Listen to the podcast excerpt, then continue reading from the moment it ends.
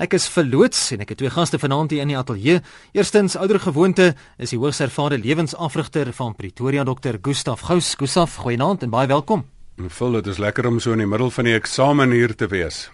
Ja, baie welkom ook aan uh, professor Ignatius Gous. Hy's van die kognitiewe wetenskap belangegroep van Unisa. Goeienaand, Ig. Ja, goeienaand, Vul. Lekker om uh, al die gouse vanaand hier in die ateljee te hê so saam met die loodse. vanaand se tema eksamen spanning. Nou dis weer daardie tyd van die jaar, eksamentyd, hoë stresvlakke wat ons kry en elke einde van die jaar dan tref dit nie net hulle wat rekenskap moet gee nie, maar almal wat met sulke persone ook te doen het. Hoe hanteer jy die spanning en ook die nikke en die grille van wat daar in die eksamentyd gebeur. Die druk waarin almal kinders in kluis in die moderne samelewing blootgestel is, maak dit baie moeilik om 'n perspektief te behou en mekaar positief ook te kan motiveer. Nou fiks vir die lewe fokus aan derhalwe juis vanaand op hierdie onderwerp eksamenspanning. Nou Gustaf, eksamen sukses is baie belangrik, ons weet dit, maar eksamentyd is vir baie mense wat eksamen skryf en ook die wat daar daaraan geraak word direk of indirek, baie spanningsvol. Nou hoe normaal of abnormaal is dit om eksamen spanning te ervaar? Vol, kom ons begin by die begin wat jy gesê het. Wat is die definisie van sukses? Um, een van die beste definisies van sukses is is dat sukses is waar die voorbereidheid en die geleentheid mekaar ontmoet. Sien nou maar jy die geleentheid om eksamen te skryf want waar in jou lewe kry nou weer geleentheid dat mense dit wat jy skryf nou in detail gaan beoordeel en merk en vir jou kan terugvoering gee daaroor. Maar as jy nie voorbereid is daarop nie, dan het jy nie sukses nie. Maar daar's reuse sukses. As jy as die geleentheid daar is en jy's voorbereid, dan het jy sukses. Maar ehm um, mense vra is dit nou normaal of abnormaal um, om eksamenspanning te ervaar? Um, ek sê altyd dit is normaal om so te voel. Dis net nie lekker om so normaal te wees nie. Hmm. Want natuurlik het jy hier 'n spesifieke situasie waar jy um besef jy kan jy kan slaag of misluk. Maar weet jy wat is die lekkerte van ook eksamentyd is dat jy nie net hierdie ding op jou eie hoef te hanteer nie, maar dat daar rol beskikbaar is. Nou nie net in vanaand se program nie, maar ook in hoeveel onderwysers, hoeveel tutors, hoeveel mense wat dit vir jou kan bring. Um die rede hoekom um um ek ehm um, wat van Unisa hier is is interessant. Hy was 4 jaar, hy's 4 jaar ouer as ek en toe ek in die in, in die koshuis inkom jare gelede. Was een van my beste dinge wat met my gebeur het is dat ek nie net daar aangekom het in Moswat nie, maar dat daar iemand was wat 4 jaar se ervaring vir my gehad het wat my kon ehm um, studie hulp gee en nie net sê jy moet studeer nie maar ook vir jou wys hoe jy sekere vakke moet bestudeer. Nou intussen het hy ehm um, praat hy die wêreld vol en het hy boeks in Oxford boeke uitgegee daarmee saam in die hele wêreld vol in terme van studie metodes en daarom was dit ook die lekkerte dat jy kan hulp inroep as jy eksamen ehm um, hulp moet kry dat jy nie op jou eie is nie en dat jy dit die stres kan minder maak. Nou, hoekom Gustaf stres studente en op watter maniere kan eksamenspanning ook wel wel dan nou verwerk word? Ons moet ons af van 'n prakties te gesels. Wel ek dink die grootste rede hoekom studente stres is omdat hulle nie genoeg gestudeer het nie.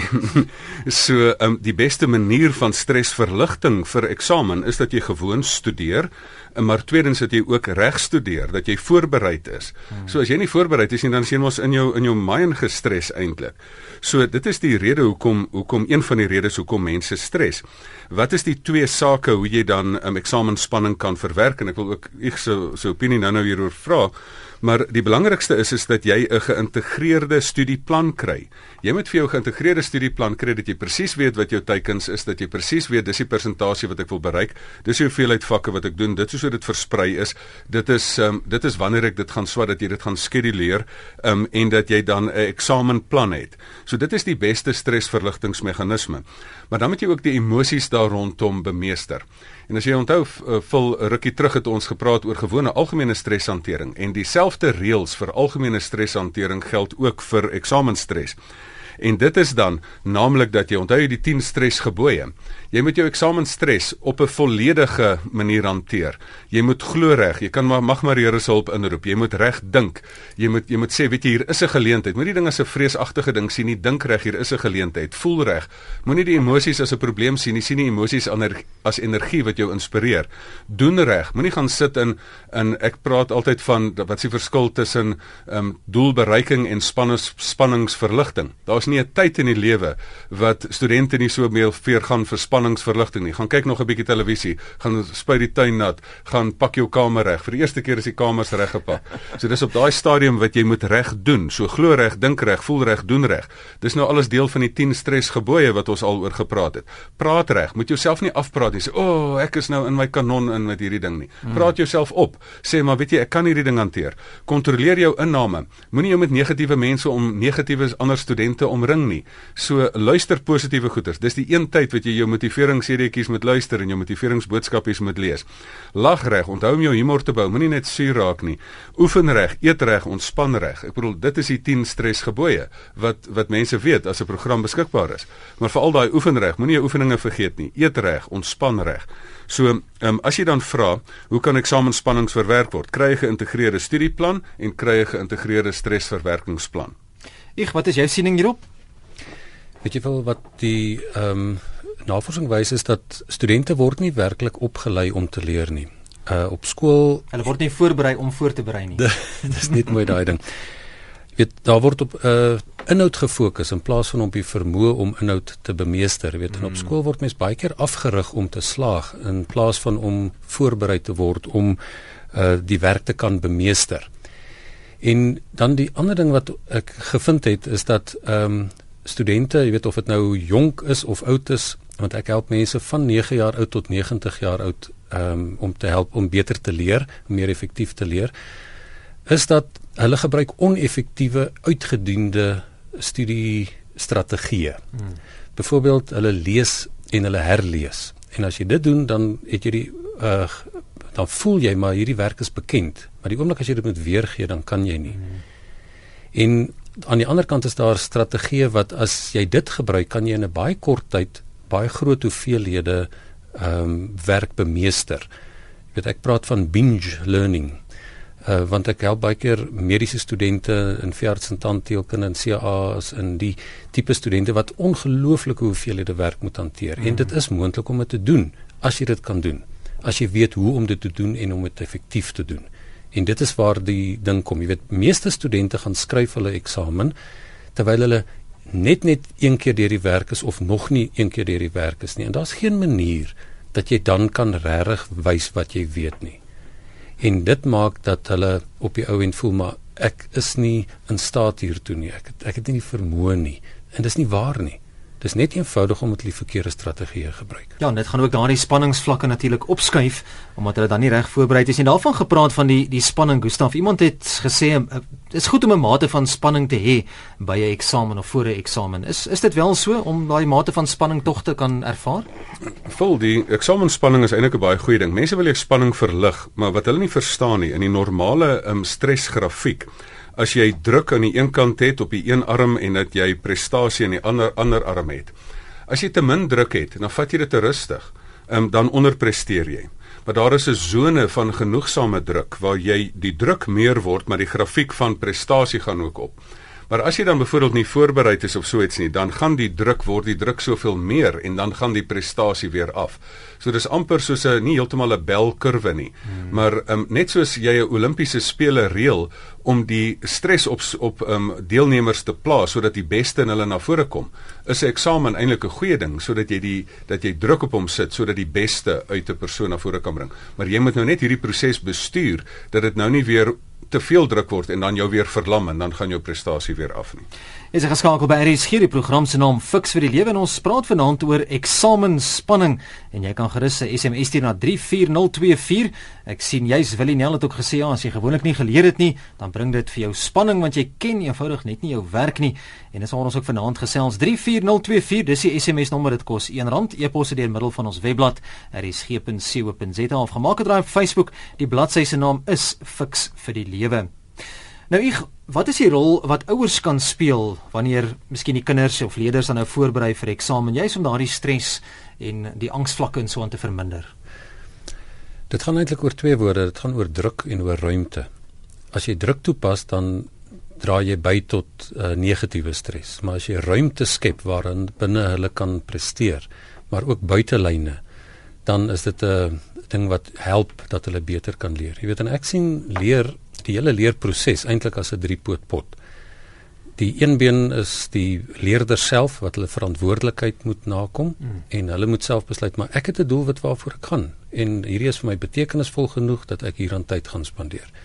Die ander is die bydrae van die onderwysers wat uh, uiteraard hulle rol moet speel en dan die ouers by die huis. Jy weet of jy nou weet van wiskunde of jy nou nie weet van wiskunde en jy kan nog steeds die ruimte skep waarbinne dit uh leer kan plaasvind deur uh, fisiese ruimte. Met ander woorde, waar sit die kind? Waar uh, wat is die situasie in die huis? Is daar genoeg lig? Is daar genoeg stilte ensovoorts? Maar ook 'n uh, 'n toekomsruimte, weet uh help vir hulle om te sê nou maar goed, waarheen is jy op pad en hoe belangrik is dit vir jou? En praat daaroor. En dan uh, kan jy vir hulle help om 'n interne ruimte te skep in hulle koppe en te sê nou maar goed ehm um, hoe gaan jy hierdie ding aanpas? En jy weet ons het baie keer by die tafel gesit en dan het ek vir die kinders gevra wat het jy vandag geleer? Wat was vir jou interessant? En nou eerstens dit was vir my regtig interessant maar tweedens het dit vir hulle kans gegee om te verwoord en om te praat oor wat hulle leer. So stel belang in wat hulle doen en dat hulle vir jou vertel want 10 teen 1 weet hulle 'n klomp goed wat jy op die oomblik nog nie weet nie. Ja, jy kan dalk 'n bietjie ietsie leer by jou by jou kinders. ja, ek sê dit mense is net so as jy's nooit oud om te leer nie. Ja, verseker, mense wil dit nie altyd aanvaar nie, né, dat jou kinders meer weet as jy nie. Nou Gustaf, dit gebeur maklik dat jong mense wat eksamen skryf, jy weet soms kort van draad is, nors, prikkelbaar En jy weet wat jy wat jy kan jy as ouer ook doen om hulle te kalmeer. En jy weet kalmeermiddels kom ook altyd ter sprake by daai tipe van van tye wanneer die kinders kort van draad is. Is dit is dit goed of sleg kalmeermiddels? Wat wat moet jy doen om om dit te help, om daarmee te kan help? Vol um, eksamentyd is nie net 'n ding wat jy in eksamen iets leer nie. Dis sommer iets wat jy in menseverhoudinge iets leer en ook oor jou eie spanningsvlakke iets leer. So ek dink die belangrikste hier is dat ehm um, dat dit ook 'n tyd is wat jy vir jou kind ook leer hoe om onder druk te funksioneer en dat jy nie die reg het geen om hoe hoog jy druk het nie jy het nie die reg om ongeskik of prikkelbaar of of so iets te wees nie. Natuurlik is dit tyd dat bietjie die huishouding omgooi want almal moet nou stil bly want so en so swat hmm. en en dis meer. Maar dit is ook reg. Ek bedoel 'n 'n 'n gesin is mos 'n span en dat mense eintlik moet sit in die week en sê luister wat lê vir jou voor hierdie week? Um, ons ondersteun jou nou want hierdie een skryf daai eksamen en daar het pappa daai groot projek en daar het mamma daai groot ding wat sy moet doen. So ons ons ondersteun mekaar. Dis mos die lekker lekkerte van 'n familie. Maar hierdie ding wat jy nou noem van kalmeerpille tydens eksamentye. Ja. Ek wil nou nie snaaks wees nie, maar ek het nou 'n bietjie ernstige probleem daarmee. Watter atleet sal voor jy die 100 meter in die finaal by die Olimpiese um um item gaan hardloop. Of watter sport rugby speler sal voor die wêreldbeker finaal sê o genade die stres raak nou 'n bietjie erg dat ek gou 'n ou kalmeerpilletjie drink. Nee man jy's mos nou besig jy's mos nou voorberei um jy wil nou mos um, op jou toppunt presteer. Ek wil myself nie. Ek is op op soos 'n perd wat uit die stal uit wil gaan. Ek wil nou gaan my eksamen gaan skryf. Hoekom moet ek nou my energie wegvat deur 'n kalmeerpilletjie te gaan drink mens moet eerder vir jou die algemene beginsels van emosionele intelligensie leer dat jy dat jy jou emosies so kan gebruik dat dit vir jou werk en dat dit jou nie verlam soos 'n kar wat um, wat oorvloei word in die in 'n koue wintersoggend as jy die petrol te hard trap nie.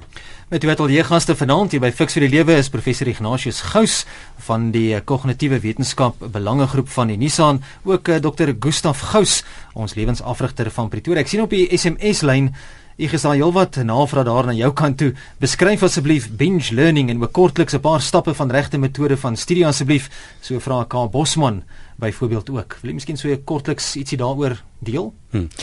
Weet jy wat die uh een van die mees effektiewe maniere of kom dit net ewer dit so sê. Leer is om goeders te kry en wat afgelewer word en dan moet jy sorteer. Wat van hierdie gaan ek opneem? Ehm um, en as jy dan sorteer moet jy dit verpak. Jy moet jy moet amper vir jouself voorstel jy staan in die voortuin en hier is al hierdie afleweringsvoertuie. Jy kry die goeder en dan gaan pak jy dit in kamers. Maar die belangrikste is jy moet dit kan herroep. So een van die slegte maniere om te leer is om te lees en te herlees en te herlees en te herlees en opsommings te maak. Jy weet baie mense het inkleurboeke want hulle het hierdie highlighters en hulle hulle hele mhm. boek is mooi ingekleur maar hulle onthou niks nie en dit werk eenvoudig nie. Wat jy moet doen is die oomblik as jy iets gelees het, moet jy dit onmiddellik toemaak en daarna neerskryf of vertel vir iemand wat het ek nou geleer? Sodat jy verpak herroep verpak herroep. Dit is een van die uh dinge wat baie effektief is. En dan kan jy sien hoeveel kan ek herroep en dan gaan kyk jy na die dinge wat ek nie kan herroep nie Dit is een uh, strategie. Die ander ene is om van sekere uh, tegnieke gebruik te maak. Hulle noem dit mnemoniese tegnieke. En een wat ek uh, baie effektief vir mense leer uh, is wat hulle noem 'n memory palace waar jy die inligting wat jy het moet gaan verpak in bekende ruimtes of op bekende objekte uh, soos 'n fiets of in 'n vliegtuig of in 'n kar of wat ook al. Ehm um, nou dis 'n bietjie lank om dit te verduidelik. Uh, mense kan my daaroor kontak as hulle wil. Maar ehm um, ek het byvoorbeeld in die week met twee uh, studente, een wat uh, op universiteit is en een wat al 36 jaar oud is, uh, gepraat en hulle het albei vir my gesê binne 'n kort tyd van 1 of 2 dae kon hulle 'n hele vak of 'n hele handboek op hierdie manier ehm um, feitelik 100% hmm. onthou. Sjoe. Kan gedoen word. So dit is dat jy aan aan 'n spesifieke objek koppel jy dan spesifiek soos 'n fiets. As jy sê maar daai fiets het soveel speke, daai fiets het soveel speke, dit is 'n visuele prentjie wat jy kry mm. en nou koppel jy die inligting daarin, jy verpak dit en as jy dan die vraag kry, dan teken jy net die prentjie van die fiets en dan roep jy dit. Dit is seker deel daarvan, nee. Dit is om iets wat uh, bekend is aan jou te koppel aan iets wat onbekend is. En dit is eintlik dit werk soos ehm um, die uh pendeltuig. Jy weet aan die begin het jy hierdie booster rockets net om jou van die grond af te kry, maar later kan jy dit weggooi want dan onthou jy dit as 'n geheel. Daar is nog 'n tipe van 'n tegniek en dit is om heeltyd alles wat jy te leer te koppel aan 'n betekenisvolle doel. As ek met ander woorde sê net maar kom ons praat nou van medies. As ek 'n sekere mediese tipe van uh uh iets uit die boek uit leer, dan sit ek nie en ek leer 10 punte nie ek visualiseer voor my 'n pasiënt van 'n sekere ouderdom in 'n sekere bed en dit is die persoon. En ek moet hierdie sê maar hierdie kind se ehm um, simptome aan die ouers verduidelik. En wat is dit en waaroor gaan dit? Of ek het moet dit aan my kollega of aan die hmm. professor verduidelik of wat ook al. So onmiddellik koppel jy dit aan 'n realiteit. En as dit realiteitsgebonde is dan is dit betekenisvol. En betekenisvolle leer is iets wat vir jou wat baie langer uh, vassteek in jou kop Ouers baie belangrik as dit kom by leer veral wat jonger kinders betref. Ek sien ook iemand verwys hier na graad 4 wat besig is met eksamen en voel die die ongelooflike baie stres. Gustaf nou tot watter mate skep ouers dalk onrealistiese verwagtinge van hulle kinders se prestasies in die eksamen en dra dit dan ook by tot die angs van die kind nie? En is dit ook reg om vir die kinders wat eksamen skryf te sê, jy weet, ag, die werk is nie regtig so belangrik nie. Moenie daaroor worry nie. Jou ma kan ook nie of jou pa kan ook nie wiskunde doen nie of kan nog nog steeds nie wiskunde doen nie. Die onderwyser stel net onnodige eise en so aan aan jou. Daardie rol van die ouer op op die kind, veral in daardie sensitiewe opgroei stadium van die kind waar hy nou eers begin leer en daarmee kennis maak. Vul daar is 'n hartseer werklikheid dat 'n baie ouers hulle onvervulde ideale deur hulle kinders wil leef. Hmm. Of dat ehm um, dat suksesvolle ouers eintlik um, so hard gewerk het en ek onthou op 'n stadium my pa het sy spreekkamer het, het gesê daar was kinders wat by hom gesit het wat hulle met baie suksesvolle ouers gesit het en dan is die kinders eintlik gedemotiveerd want hoe gaan ek ooit daar uitkom en nou so grand wees of soveel goeders bereik soos wat my uh, ouers nou bereik het. En dit is die belangrikste dat ek dat 'n kind dat 'n ouer um normale verwagtinge in 'n kind kan stel. Jy kan vir 'n kind sê, luister, jy het 'n talent gekry, jy is gebore met 'n doel op aarde, jy moet jou talent gebruik, maar dat jy die kind volgens sy talent um laat speel op die veld en nie volgens jou verwagtinge laat speel nie. Um so moenie 'n kind verder druk as wat um as omdat jy onvervulde ideale het nie. Die tweede ding is is ook so daar's party mense wat die kinders dan eintlik wil wil hoër druk as wat hulle kan wees. Maar die tweede werklikheid wat jy genoem het is eintlik baie sleg. En dit is dat ouers so 'n swak selfbeeld het dat hulle dat hulle eintlik nie kan glo dat hulle kinders kan presteer nie en sê ag jy sal nie kan presteer nie want pappa en mamma kon dit ook nie gedoen het nie. Ja. Ehm um, dit is 'n baie hartseer werklikheid en ek dink nie jy moet jou kind se talent inperk deur jou swak selfbeeld nie want dit is dan soos 'n termostaat. Ehm um, gelukkig as jy nie kon wiskunde doen nie, hopelik is die man of vrou met wie jy getrou het daarom so 'n bietjie daai deel van die breinkrag en die genetika ingedruk. So moenie die kind in jou tot jou ervarings van die verlede beperk nie, want in die verlede kon jy dalk net 'n uh, 'n uh, onderwyser gehad wat nie baie inspirerend was nie en hierdie kind het dalk eintlik 'n uh, wonderlike onderwyser wat um, en meerdere talent wat wat dit kan verder vat. So ouers moet asseblief nie deur hulle kinders leef nie. Hanteer jou kind um, volgens sy talent en bring elke stukkie talent na vore, inspireer hulle, moet hulle nie demotiveer motiveer en um, verlam deur onverwag onrealistiese verwagtinge nie. Ek ek sien jy wil ook graag hierop reageer. Ja, weet daar's een van die uh, kragtigste dinge wat deesdae na vore gekom het is uh, wat hulle praat van mindset. Weet 'n uh, dame in ehm um, Amerika Carol Dweck het nogal baie daarvoor daaroor navorsing gedoen en sy praat van mense word het, het of 'n fixed mindset of jy het 'n growth mindset. En as jy en dit hang af hoe jy jou kinders grootmaak. As jy dink jou kind is gebore, weet jy kry uh, intelligentes, minder intelligentes en die dommeretjies, dan beteken dit jy gaan hulle tipe van vasvang in 'n uh, sekere area en hulle gaan voel maar ek kan nie hierby uitkom nie. Ek kan nie meer as dit nie. En dan is die ervaring dat hulle sê maar okay, ek is nie slim genoeg nie. Ek is nie ons familie kan nie wiskunde doen en sulke goed nie.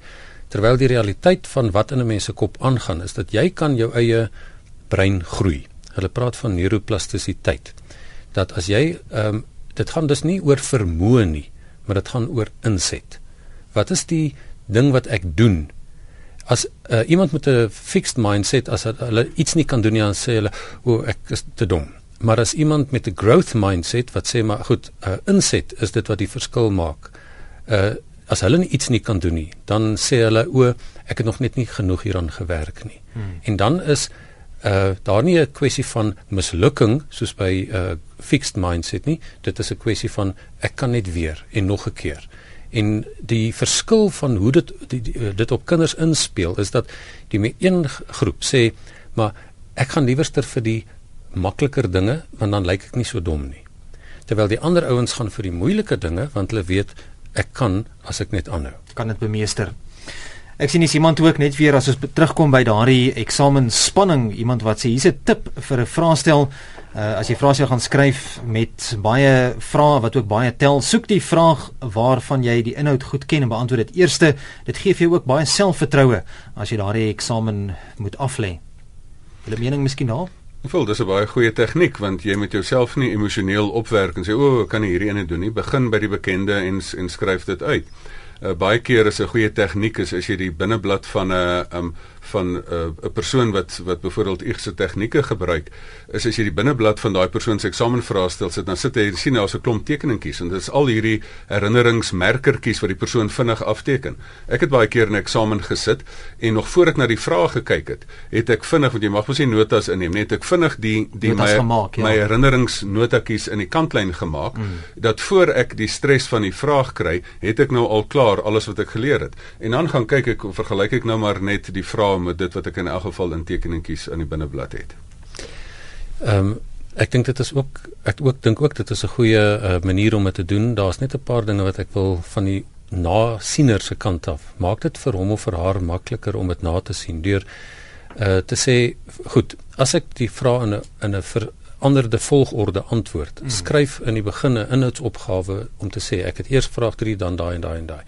En dan die ander uh, ding wat ek sien wat soms as mense dit doen, wat gebeur, is dat hulle laat vra uit omdat hulle nie van 1 tot 10 of wat ook al werk nie. So jy moet 'n baie sterk stelsel hê om te sê, goed, ek het al die vrae beantwoord. So doen dit, maar beheer dit. Hmm, baie baie praktiese wenke wat ons vanaand hier het op Fix vir die Lewe. Dis tussen 100 en 104 FM ons onderwerp vanaand eksamenspanning en jy kan gerus ook skakel as jy wil. Ons gaan 'n paar oproepe neem 0891104553. Dis die nommer in die ateljee. My gaste vanaand is professor uh, Ignatius Gous en ook dokter Gustaf Gous wat saamgesels praktiese wenke gee in die program Fix vir die Lewe oor eksamenspanning. Nou voordat ons 'n paar oproepe neem Waar pas interne en eksterne motivering asook doelwitstellings in by 'n kind se gemoedstoestand om eksamenspanning te verminder, Gustaf? Vol, en ek dink nou moet ons baie prakties raak want ons doel in Fix vir die Lewe mos is dat ons vir mense 'n skielik tog 'n baie praktiese manier gee hoe mense die ding kan doen. Nou wat ons gesê het is dat om 'n goeie eksamenplan, 'n geïntegreerde geïntegreerde studieplan te kry, is een van die beste stresverligtende aspekte. Nou kom ons begin by die hele kwessie van doelwitstelling en dan motivering. Ehm um, die eerste ding vir eksamenvoorbereiding is is jy moet vir jouself 'n duidelike doel kry nie. Hy wat na niks mik nie, tref gewoonlik dit waarna hy mik. So as jy net sê ag ek gaan nou maar 'n eksamen en kyk maar wat gebeur. As jy nie voor die tyd gaan sit en jy het 'n baie spesifieke doel nie. Ek wil matriek deurkom nie. Ek wil graad 7 of 8 deurkom nie. Ek wil eerste in my klas staan. Ek wil ehm um, hierdie persentasie kry. Ek wil 'n gemiddeld hê van 93% of 63% vir my vir my eksamens nie. So jy moet van die begin met 'n doel. Ehm um, want as jy nie as jy nie dit het nie, dan weet jy nie wat jy kan bereik nie. En onthou 'n doel moet um, moet spesifiek 'n tydslyn hê. Hulle sê mos altyd 'n doel moet smart wees. Hy moet spesifiek wees. Hy moet meetbaar wees in terme van persentasie wees. Die Engelse woord vir die A is attainable, die Afrikaanse woord is haalbaar wees. Ja. Hy moet realisties wees, hy moet tasbaar wees. Jy moet nie sê luister, ek wil nou in graad 7 wil ek gou sommer gou graad 10 slaag nie. So, um, jy moet voor die tyd vir jou 'n smart doel kry, 'n spesifiek meetbare, haalbare, realistiese en tasbare doel kry. En en dit kan dan wees vir watter kursus jy ook al skryf. Onthou mense wat luister is hierdie net skooliere wat studeer nie. Hier is ook mense wat wat kursusse doen by werke wat hulle hulle hulle hulle verkoopsopleiding moet doen, wat hulle hmm. 'n verdere M-graad moet doen of wat hulle 'n verdere kursus moet doen om om in 'n werkbevordering te kry of 'n veiligheidsopleidingskursus moet doen. So hier moet jy vir jou spesifieke doel stel. Dan die tweede ding is jy moet die afgebreekte doel hê. Jy moet net sê luister ek wil matriek slaag met 'n uh, met 'n uh, 80% gemiddeld om keuring te kry vir daai vak nie. Jy moet ook vir jouself sê ek wil in hierdie vak presies soveel hê, ek wil in daai vak presies soveel hê. So jy moet dit afbreek. Derdens moet jy dit dan die die omvang van die werk neersit. Jy moet sê luister, hierdie ding het 3 boeke. Daai het soveel bladsye om te leer. Daar het ek soveel doen. Jy moet eintlik in jou kamer waar jy studeer, moet jy eintlik vir jou sulke hoopies kry en sê ek het 8 vakke en daar lê die boeke vir die een vak. As jou kamer bietjie te mekaar is, laat dit nou maar so wees. Ehm um, dan moet jy vir jou jou motivering kry. Wat help dit jy het al hierdie goeders, maar jy het nou hierdie fantastiese prentjie, maar jy het nie motivering om daar te kom nie. So dan moet jy vir jou jou hoekom reg kry want want jou motivering gaan altyd oor jou hoekom. Ek sê altyd mense, gee vir my jou hoekom, dan vind ons 'n pad hoe. So die hoekom kom voor die hoe. So moet jy jouself nie sê ag dis nie belangrik om matriek te kry nie. Ons weet nou wat gebeur met mense wat nie matriek het nie en wat in in posisies is dan maak hulle nie so lekker maak hulle droog daarmee. So kry vir jouself 'n goeie kwalifikasie agter die agter die um, rug. Moet jy nie self uit die ding uit praat sê ag nee wat is nie belangrik nie. Omdat jy bang is jy nie gaan slaag nie sê dis suur druiwe nie. So uh, kom kom raak ontslaaf van hierdie ontwykingstegnieke en kry 'n bietjie ruggraat en en en commit jouself en sê right ek gaan dit doen. En dan ook dan moet jy vir jouself jou jou dinge wat in die pad staan met jy vir jou duidelik kry. Wat is my goed wat in die pad staan? Is dit nou kragonderbrekings en dies meer? Weet jy, as jou motivering hoog genoeg is. Ek het op Robben Eiland het ek navorsing gedoen. Daar was studente wat dan dan as die lig gaan die ligte 8 uur die aand uit of 10 uur die aand uit. Dan dan kan nie die verskoning sê okay, ek gaan nou nie verder vir my Unisa graad daar studeer nie. Dan het hulle van komberse en vet wat hulle uit die kombuise uitgekry het, het hulle klein kersse gemaak. So moenie vir my sê jy het 'n kragonderbreking gehad jy kon nie kon nie studeer nie. Daar's ander mense as jy net wil, dan gaan jy 'n plan maak. Jy gaan 'n kers maak al het jy nie eers 'n kers nie. So ek dink dit is dan die die hele kwessie van die wat staan daar in die pad en wat is die dinge wat jy kan doen om ehm um, um, dit te oorkom. Dan die volgende plek is jy moet vir jou plek kry wat jy studeer en as jy nie 'n goeie plek het nie, uh, gaan sit ergens in 'n hoekie in die tuin, kry net vir jou plek waar jy kan fokus. Dan moet vir jou kalender kry. Nou die dag stuur 'n ma kind na my toe sê o, so 'n slim kind my kom nie deur nie en ek het die storie nou al baie gehoor. Toe gaan ek na sy koshuiskamer toe. Ehm um, daar by Tikkies. Nou stap ek in en vra ek, "Waar's jou kalender?" En kyk my so, hy sê kalender op my selfoon. ek sê dis daai ding wat jy so, dis daai papier wat jy so teen die muur sit wat jy sien jou uh, jou rugbywedstryd is die Vrydag aand en jou groot uh, toets of eksamen is die Saterdag en dat jy bietjie vroeër moet begin studeer. So dan moet jy nie net 'n plan kry, dan moet jy begin skeduleer en en die die die, die eksamentye insit. Dan moet jy vir jou 'n daaglikse skedule kry dat jy dat jy sien nou maar 50 minute sessies kry en 'n 10 minute breek vat en en dan moet jy nie net studeer nie, maar dan moet jy met die regte studie metodes ehm um, ehm um, um, studeer. En dit is waar ek dit nou moet verder vat, dat hy vir ons binne hierdie plan moet hy dan vir ons sê nou maar hoe moet jy nou verder studeer? Ek Ek was nou die dag by 'n skool by Rustenburg wat hulle my gevra het om met die graad 12s te kom praat vir die eksamen. Dit is 'n bietjie laat, jy weet, as jy wil voorberei vir die eksamen, dan moet jy eintlik al in graad 11 vir jou matriekeksamen begin. Maar wat ek vir hulle gesê het is neem vir my 'n selfie at 36. Met ander woorde dubbel jou ouderdom. Waar wil jy dan wees? En wat is vir jou belangrik? En as dit daar is, dan gaan elke ding wat ek nou doen gaan inpas in 'n groter prentjie en dan word dit betekenisvolle leer. Mm. En as dit betekenisvol is, dan beteken dit ek gaan bereid wees om moeite daaraan te spandeer. En die interessante ding is dat die meeste studente met wie ek privaat sit, is nie sukkelende studente nie. Dis ouens wat swat vir keuring. Wat weet, maar goed die ehm um, uh, druk daar buite in die uh, vlak wat ek moet bereik is baie hoog en ek moet daar kom. En daai ouens is bereid om tyd te spandeer om op Saterdagaande te sit en swat wanneer die ander ouens ander dinge doen. Of wat terwyl as weet uh hulle betoog wat nog steeds liewerster maar sit en swat hmm. want hulle weet dit is wat daar is. So, dis die een ding. Iets wat ek net wil noem is die hele ding van multitasking. In terme van neurologie en van hoe die brein werk. Ehm um, bestaan nie iets soos multitasking nie. Jy kan nie twee hoër denke aktiwiteite op dieselfde tyd doen nie. So as jy sit en swat en jy sien daar kom 'n uh, WhatsApp of 'n uh, Facebook of 'n ding deur en jy lees dit, verloor jy 15 minute minimum om weer op uh, koers te hmm. kom. Hmm. So jy moet vir jou areas afbaken wat sê goed, ek het nou net 15 minute en wat gaan ek in hierdie 15 minute doen? Of ek het 2 ure hoe gaan ek hierdie 2 ure inrig en ek het 'n hele program van wat amper soos 'n resep werk van hoe jy moet doen om in 140 minute deur 'n groot klomp werk te kom op soveel maniere of tye dat dit herhalend is dat jy 6 of 7 keer deur jou afgebakende tyd uh, of werk kom. Want jy weet, wie jy spel 'n mens herhaling. Mens spel dit V E R V E L I G, vervelig. En dit is hoekom mense dit net een keer doen, maar as jy dit op verskillende metodes en verskillende maniere doen, dan beteken dit dit maak vir jou sin en dit raak lekker en dit raak kreatief. Dit maak nogal sin, hè? om daardie verveligheid ook daaruit uit te haal. Nou goed, kom ons gaan na die telefoonlyn 0891104553. Hou my jou bydrae asseblief kort, ons tyd is nogal beperk. Fiks vir die lewe. Niemand meer by daardie lyn nie. 0891104553 as jy graag 'n vraag wil vra vir vir Gustaf of vir Ignatius, dan is jy meer as welkom. En terwyl ons wag vir daardie telefoon oproep om in te kom, Gustaf, tot hoe ver kan die vrees vir mislukking die oorsaak wees vir spanning?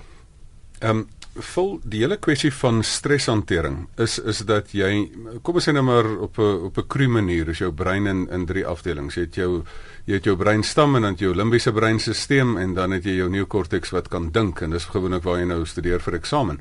Maar die limbiese breinstelsel in die middel van jou brein is jou um, emosionele gedeelte en dan jou breinstam is jou outomatiese handelingsgedeelte. En as jy nou as jy nou geweldige vrees kry, dan is jou gaan jou liggaam eintlik onmiddellik in veg of vlug. En as daar 'n groot bus op jou afkom, dan gaan sit jy nie nou dink en sê ja nee, dis 'n ground bus en hy kom teen soveel kilometer en ek dink miskien moet ek nou soveel milligram adrenalien kry en dan gou-gou spring dat ek uit die pad uitkom nie. Jou liggaam het 'n oorlewingsmeganisme dat hy vermydingsgedrag toon. So hy hy laat jou nie eers toe om te dink nie, want jy gaan net te stadig dink. Hy gaan jou sommer onmiddellik laat uit die pad uitspring. En dit is hoekom mense dan sogenaamd 'n blank strike, dis wat hulle dit altyd genoem het ja. ek op universiteit was. Dat jy dan so groot vrees het dat jou in jy in 'n absolute vrees uh, modus ingaan en want o ek gaan nou misluk en ek gaan dit nie maak nie en ek het nie geswat nie en dan dan en ek kan nie keuring kry nie en en dan skielik dan is is gaan jy dan daai vreesmodus in en jy gaan reguit van van um, uit jou denkmodus uit. Nou, as jy dan die wat ek noem soos ek net nou gesê het, die 10 stresgebooie gebruik, dat jy glo reg en sê luister, ek is nou hier maar raai wat die Here sal my daarom 'n bietjie help. Ehm um, die Here help die mense wat hulle self help nogal ekstra. Ehm um, so ek het gestudeer so ek kan bid vir die tyd. Ehm um, weet jy ek het reg gedink. Ek dink weet jy hier is 'n geleentheid. Ek sien dit as 'n geleentheid en nie as 'n gevaar nie. Ehm um, gevoelens, my emosies, energie van emosies, ek sê dis 'n goeie ding want dit gemaak het ek glashelder en wakker is.